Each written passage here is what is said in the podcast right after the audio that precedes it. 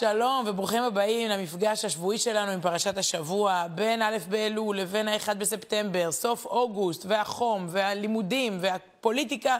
אנחנו מנסים לדבר כל שבוע על הפרשה, הכותרות הראשיות אה, שלא משתנות, נצחיות, ומנסים למצוא בהם את המשמעות, והפעם לא רק על הפרשה, כמה עניינים מרתקים מתקבצים לשבת הזאת. קודם באמת באמת פרשת השבוע, פרשת שופטים, נגיע אליה. אבל יש גם הפטרה. מיד אחרי שגומרים לקרוא בתורה בבתי הכנסת, מגלגלים את הספר, של, ספר התורה וקוראים מהנביאים הפטרה. וההפטרה מאוד מיוחדת השבוע, הפטרה שכולה נחמה, היו עמנו מה שנקרא, מיד נגיע גם אליה. וגם החודש, אי אפשר להתעלם מהעובדה שהשבוע, ראש חודש אלול, צוין, ואנחנו כבר בחודש האחרון של השנה, שאנחנו לא מתייחסים אליו כאל ככה סוף השנה, אלא להפך, זה מסלול המראה לקראת השנה הבאה, תשפ"ג, ולקראת uh, חודש תשרי וחגי תשרי. אז נתחיל בפרשה. פרשת שופטים היא כבר בעיצומו של ספר דברים. זוהי הפרשה החמישית בספר דברים. רק נזכיר, יש לנו חמישה חומשי תורה, כן? בראשית, שמות, ויקרא, במדבר דברים. לא משנה אם יש שביתות במערכת החינוך, את זה משתדלים לזכור. אז אנחנו בחומש החמישי, חומש דברים, בפרשה החמישית בחומש החמישי. מה קורה שם? אפשר להגיד כאילו more of the same. זה המשך נאום הפרידה של משה רבנו מהעם. מתחילת ספר דברים עד סופו, מעין צוואה. משה רבנו בעצם נפרד, לכן קוראים לספר הזה דברים. אלה הדברים אשר דיבר משה, ככה נאמר שם בתחילת הספר, ומשה פשוט נואם באיזושהי, הייתי אומרת, הסתכלות לאחור והסתכלות קדימה, ונותן לעם את, ה, את העיקר, את מה שיש לו לומר להם, רגע לפני שהוא נפטר במדבר ולא נכנס איתם לארץ. אבל כל שבוע המסר שלו הוא אחר לגמרי. השבוע הוא נותן לנו 41 קודים, 41 מצוות. הוא מדבר איתנו על האיסור לקחת שוחד, ועל האיסור לעבוד עבודה זרה. הוא מדבר על מוסר מלחמה ועוד ועוד, פרשה עשירה מאוד במצוות, פרשת שופטים. כל זה קורה השבוע. אני רוצה להתמקד כרגע בתחילת הפרשה, והאמת היא שגם בתחילת ההיכרות שלי עם הפרשה, עם פרשת השבוע. סיפור שקרה, או יותר נכון, פדיחה שקרתה, כשאני הייתי בת 15. הפרשה מתחילה בהצהרה הבאה: שופטים ושוטרים, תיתן לך בכל שעריך, אשר השם אלוקיך נותן לך. הפרשה מתארת מערכת משפט. מיד אחר כך כתוב פסוקים יפים ונצחיים, לא תטה משפט, לא תכיר פנים ולא תיקח שוחד, כי השוחד יעוור עיני חכמים ויסלף דברי צדיקים. גם אם אתה חכם וצדיק, שוחד מעוות אותך. צדק צדק תרדוף, למען תחיה, וירשת את הארץ אשר השם אלוקיך נותן לך. עד היום הסיפור של מערכת משפט עם אמון, מערכת משפט מתוקנת, מושלמת, זה לא קל, אנחנו עדיין לא שם.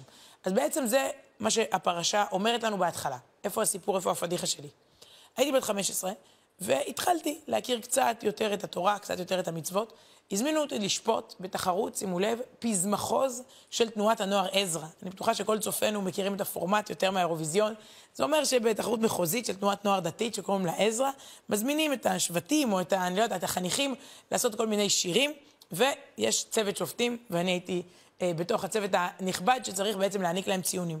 הגעתי לפארק עיני יהושע בקיץ, והתחלתי רק קצת להתקרב, קצת להבין יותר בעניינים האלה של, של הפרשה ושל התורה. אני עומדת שם בחום עם אה, חבר השופטים, אני זוכרת שאבשלום קור היה אחד מהם, ועל הבמה המנחה קורא לרב, רב, לא נגיד כרגע את שמו, אבל ידוע, מפורסם, חשוב, הוא עולה לדבר ואומר ב-40 שניות את הדבר הבא, שימו לב. והוא בלי, כלומר, לא לפני ולא אחרי, נטו את, את הדיבור שאני אצטט עכשיו, ויורד מהבמה. שופטים ושוטרים תיתן לך בכל שעריך, הוא צועק את הפסוק שעכשיו ראינו. בחופש הגדול, ילדים, אנחנו צריכים לתת שופטים ושוטרים על השערים שלנו. לא יותר מדי משחקי מחשב אלימים, לא יותר מדי תוכניות מטומטמות בטלוויזיה, לא לדבר לשון הרע, לא ללכת למקומות שלא צריכים ללכת, לא לעשות שטויות, שנזכה עם השופטים והשוטרים לחופש גדול מבורך. כולם ככה קמו, מחאו כפיים, הוא ירד, אני הסתכלתי ימינה-שמאלה, סינית. מבחינתי מה שהוא דיבר היה סינית מוחלטת, זה היה בעברית, זה לא התחבר לשום דבר. איך זה קשור למשחקי מחשב? מה זה שופטים ושוטרים? אנחנו בחום של אוגוסט, איך זה קשור לחופש הגדול? מה הוא רוצה מאיתנו? כאילו הוא דיבר 40 שניות, הותיר אותי במבוכה שעה ארוכה. פניתי למישהי שישבה לידי, זוכרת, קראו לה מיכל, אמרתי לה, מה הלך פה? אמרה לי, אה, לא, לא כזה הקשבתי. אמרתי, מה זאת אומרת, מה, מה, מה קרה? אמרה, לא, הוא אמר דבר תורה. גם הביטוי דבר תורה לא היה כל כך מוכר לי, אבל אוקיי. ואמרתי, וכולם פה הבינו? הוא אמר, כן, בטח, פרשה. כלומר, כולם פה יודעים שפרשת השבוע היא פרשת שופטים. ברור, כן, שופטים ושוטרים, תיתן לך, היא ככה מלמלה משהו. כלומר, הוא דיבר בעצם ישר אה, מתוך הדופק שהיה ברור לכולם ש, שזה מה שקורה. לא ידעתי שהפרשה היא שופטים וגם לא מה נאמר בה. אבל איך זה קשור, אמרתי לה, בסדר, נגיד שהפרשה היא שופטים. מה זה קשור לא לשחק משחקי מחשב? לא הבנתי מה הוא רוצה. השופטים לא הרשו לנו לשחק משחקי מחשב אלימים? מה הוא אמר שם? לא לראות סרטים אה, אלימים? היא אמרה, לא, זה מין אה, מדרש כזה. שופטים ושוטרים, בן אדם צריך להקים מערכת משפט, זה הפרשה, זה הפשט, זה הרובד הפשוט. אבל אנחנו, כל העולם היהודי אלפי שנים, הוא לא רק ברמת הפשט, הוא עושה גם דרש, הוא גם קופץ מהמשמעות הפשוטה למשמעות יותר אישית או אחרת. שופטים ושוטרים תיתן לך בכל שעריך. לאדם יש שערים לפרצוף שלו, ככה היא הסבירה לי שם על הדשא בגני יהושע לפני הרבה שנים. תסתכלו על הפנים שלנו, יש להם שערים, העיניים, האוזניים, האף והפה, יש לנו שערים. שופטים ושוטרים אתה צריך לתת על השערים שלך. השערים צריכים להיות מפוקחים, לא פתוחים לכל ערב, לא פרוצים כמו איזה פרצה שקורית לגנב. לשים לב מה אתה מדבר, מה אתה שומע, מה אתה רואה, איפה אתה נמצא, מה, מה, מה, אתה, מה אתה מייצר ומה אתה צורך. זה מה שהוא התכוון, היא אמרה, שהילדים לא יעשו שטויות בחופש, שופטים ושוטרים תיתן לך בכל שעריך, ש, שיפקחו על עצמם, שישימו לב. וואלה, וכולם פה הבינו? היא אמרה לי, אם מישהו בכלל הקשיב, לא כל כך מקשיבים בדבר תורה. זה כבר לימדה אותי כבר את ה... גם את זה ככה תוך כדי. החוויה הזאת היא לא הייתה איזה משהו דרמטי או טרגי. אני זוכרת אותה הרבה מאוד שנים אחרי זה. למה? כי בעצם, הרבה מאוד פעמים התורה היא לא מובנת. אנשים באים, מדברים ברמה גם יותר גבוהה, מה שהוא אמר זה נחשב רעיון פשוט, ולא שמים לב אם הקהל מבין אותם, האם כולנו מחוברים. תורה שייכת לכולם, וכולם צריכים להבין אותה. במובן מסוים, אני חושבת שאני קיבלתי מהסיפור הזה גם את המס... הדבר תורה הראשון ששמעתי בחיי, לא הבנתי אותו. לי מאוד חשוב שיבינו, לכן אנחנו גם כאן משתדלים לבאר, להסביר, להנגיש. גם אם בן אדם לא יודע מה הפרשה, הוא לא יודע שיש דבר כזה פרשה, שיבין שזה יהיה בסיסי וברור אה, לכולם. אז זה משהו שצרוב מגיל 15, כל שנה אני נזכרת בזה בפרשת שופטים. אבל רגע, בואו נדבר על מה שהוא אמר. הוא אמר דבר שאז אולי היה רלוונטי למשחקי מחשב אלימים בצעירותי. מה נגיד היום? האם לא צריך לשים שופטים ושוטרים בכל שערינו? הרי המציאות קוראת לנו לזרום, לזרום. אני זוכרת, בתחילת החופש הגדול פגשתי קבוצה של בני נוער, שאלתי מה התוכניות לחופש, הם אמרו לזרום. לזרום זה נחמד לשעתיים, לא לחודשיים. מטרה בחיים היא לא לזרום, היא לצמוח. כלומר, לשלוט על עצמך ולא לתת למציאות לשלוט בך, ודאי בעידן הזה. לשים לב מה, מה אתה רואה וכמה, כמה שעות אתה גולש, כמה אתה מבזבז, מה הדיבורים שיוצאים לך מהפה או מהמקלדת, מה אתה מאזין, מה אתה שומע. אומר על כך, על הפרשה שלנו, הרב אברהם ויינברג, אה, מייסד של החסידות שנקראת שלונים, כותב את זה במשפט ממש אה, סלוגן, לא סלונים, סלוגן. אפשר לקחת את זה ולעשות מזה ציוץ. תראו, ממש. יום שאדם לא עשה בו דבר כנגד רצונו, אינו נחשב כיום בחיים. בעיניי, משפט עמוק על השופטים והשוטרים שאנחנו צריכים לשים על עצמנו. יום שבן אדם לא עשה משהו נגד רצונו, זה בכלל לא יום בחיים. כל היום עשית רק מה שבא לך, זה לא נחשב יום. מה אפשר לעשות נגד רצוננו? איפה אני שם גבול? וזה יכול להיות בוואטסאפ, וזה יכול להיות בסבלנות לילדים, וזה יכול להיות באכילה ובכושר ובלימוד, ולא משנה במה. בטלפון שבא לי או לא בא לי להרים למישהו. לעשות משהו נגד רצונך, משהו שאתה באמת, שבעומק אתה יודע שזה מה שנכון לעשות. פרשת שופטים ממשיכה עם הנושא הזה של גבולות. לא רק בהתחלה עם ה... לשים שופטים ושוטרים בשערינו, ואפשר לדבר על... אה, אה, אה, אינטרנט ועל סינון ולאן גולשים ועל שעות מסוימות עם, עם, עם מסכים או עם תכנים מסוימים, אבל מה רואים, מה לא רואים, אבל מה הפלייליסט, איזה שיר הוא מגעיל אותי, לא רוצה להכניס אותו לפלייליסט שלי. אבל בהמשך יש עוד נקודה שנוגעת בדיוק באותו סיפור. האם בן אדם שם לעצמו גבולות? בעיקר כשהוא עולה בדרגה בחיים. הרבה אנשים מתחילים, בעזרת השם, בסוף החופש הגדול, לנהל בית ספר, לנהל מחלקה, קידום באקדמיה, קידום בצבא, אה, רב של יישוב חדש, אה, מפקד של... לא משנה, תפקידים חדשים. הקטע הבא מיועד לכם. שימו לב מה קורה כשאדם הוא פתאום הופך להיות יותר מורם מעם ממה שהוא היה קודם. מה התורה אומרת לו? אנחנו מדברים על מלך. התורה מתארת אדם שממונה למלך, ואומרת שהוא צריך לעשות את הדבר הבא. והיה כשבטו על כיסא ממלכתו, וכתב לו את משנה התורה הזאת על ספר. את התורה, התורה אומרת לנו שאת את, את התורה עצמה צריך להעתיק. למה? והייתה עמו, התורה, וקרא, וקרא בו כל ימי חייו. למען ילמד ליראה את השם אלוקיו, לשמור את כל דברי התורה הזאת ואת החוקים האלה לעשותם. הוא צריך ספר תורה צמוד פק"ל איתו. מלך מסתובב עם ספר תורה. דמיינו שראש, זה לא ראש ממשלה, זה לא נשיא, אבל דמיינו מנהיג. מנהיג שמסתובב עם ספר תורה צמוד איתו כל הזמן. זה מגביל אותך.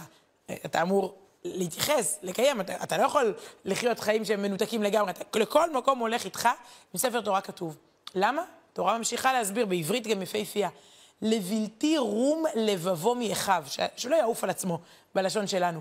לבלתי סור מן המצווה ימין ושמאל, שלא יסטה, למען יאריך ימים על ממלכתו, הוא ובניו בקרב הארץ. כלומר, אומרת לנו פה התורה, בעצם, אה, כשאתה עולה בדרגה, אתה במצב מסוכן, אתה מועד לפורענות, אתה צריך יותר שמירה ויותר הגנה. איפה רואים את זה? איפה לא.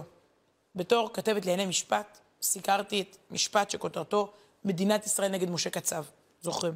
מדינת ישראל נגד אהודו אולמרט, זוכרים? ויש עוד הרבה דוגמאות, הרשימה לצערנו ארוכה. כלומר, אדם שעולה לגדולה הרבה מאוד פעמים, דווקא הכבוד, כמו המלך הזה, שיש לו פתאום משרתים ומזכירים ושליחים אדומים ומטוסים פרטיים וקבלות פנים ומסיבות עיתונאים ושופוני, והוא מתנפח, מתנפח, מתנפח. כשאדם עולה בדרגה לא צריך להגיד לו מזל טוב. גם, אבל צריך להגיד, ואיך אתה שומר על עצמך? אוקיי, אל תעשה ספר תורה ותלך איתך לכל מקום, אבל העיקרון, האם אתה מודע לסכנה? אנחנו רואים את זה כל הזמן, זה יכול להיות בצבא, אה, בכירים שמועדים בכל מיני תחומים, זה יכול להיות במשטרה, יכול להיות בעולם הרבנות, דוגמאות של כל מיני רבנים שנחשבו צדיקים, בעולם התרבות, הבידור, הספורט, המוזיקה. אה, פעם אחר פעם מתפוצצת איזו פרשייה של אנשים שעלו מדי לגדולה ולא הלכו עם ספר תורה צמוד. התורה פה מזהירה, הצלחת מאוד, מצוין, אבל תשמור על הפנימיות שלך כשכל החיצוניות ככה מאוד מאוד מדברת. אז יש פה בעצם, במובן מסוים, שתי, שתי קריאות, גם שופטים ושוטרים וגם אה, המלך, ל, ל, לאדם לשמור על עצמו, לפקח על עצמו, אה, לשמור על הערכים שלו אה, ולשים גבולות, ל, לשים לעצמו גבולות בחיים. אבל לא רק באנו לבאס ולהגיד לאנשים, להטיף לאנשים לשמור על עצמם וכולי, יש כאן הפטרה. אמרתי, אי אפשר לסבס... אנחנו לא תמיד מדברים על ההפטרה, השבוע זה חובה. למה? כי מיד אחרי הפרשה, אה, בעצם מתחילים לקרוא בתורה אה, מילים של הנביא ישעיהו. אנחנו בתקופה מאוד מיוחדת, שנקראת שבע דנחמתא, שבע הנחמות, ואני אסביר. היו לנו שלושה שבועות, זוכרים עוד את תשעה באב? היו שלושה שבועות שנחשבים קודרים במסורת, אה, שלוש שבתות הפורענות, ככה קוראים לזה. קוראים נבואות מאוד מאוד עצוב, עצובות.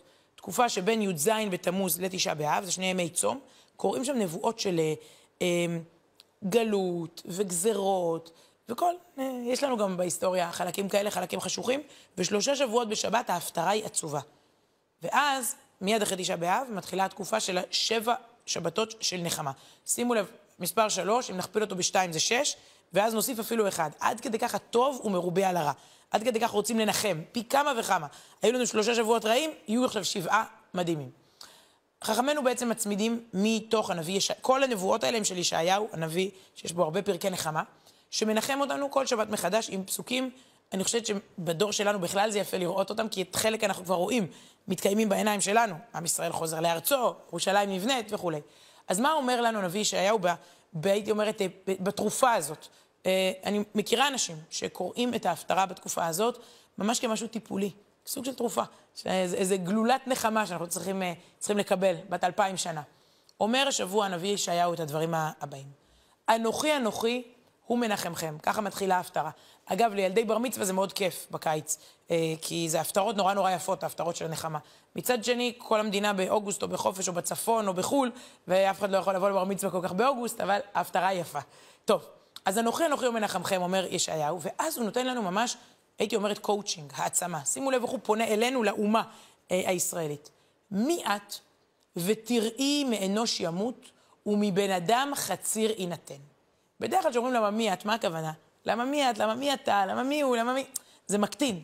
כאן יש למה מי את הפוך, זה למה מי את של גדלות.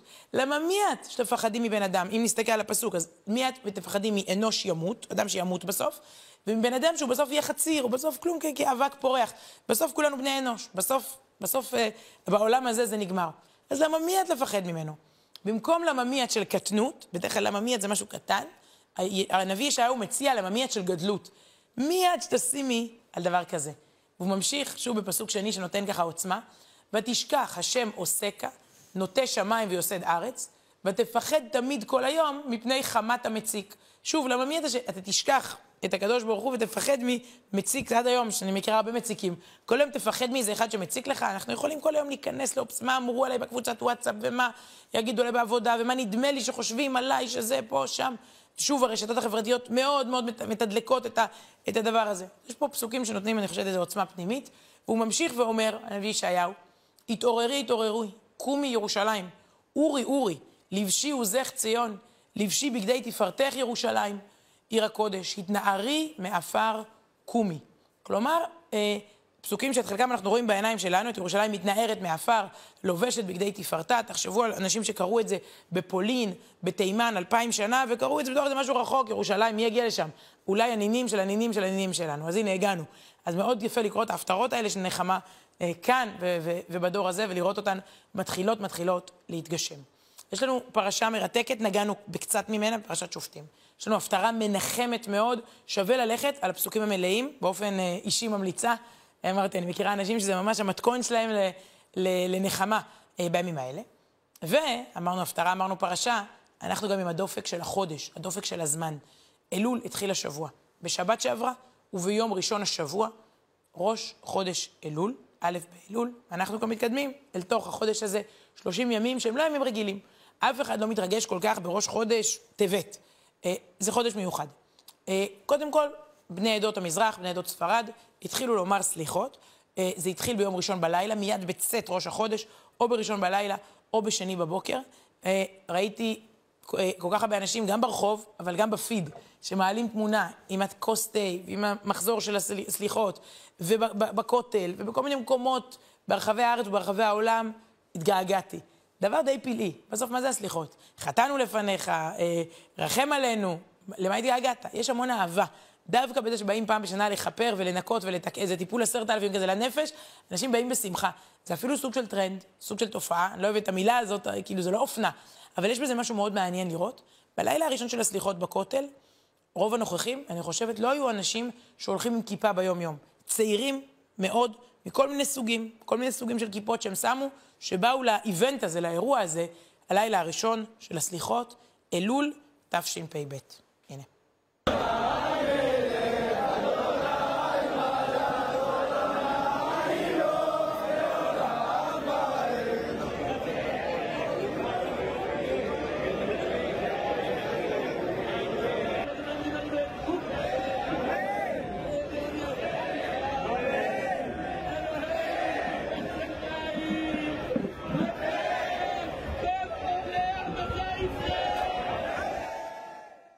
זה לילה ראשון של סליחות, חכו למה שיהיה בערב יום כיפור, בסליחות האחרונות.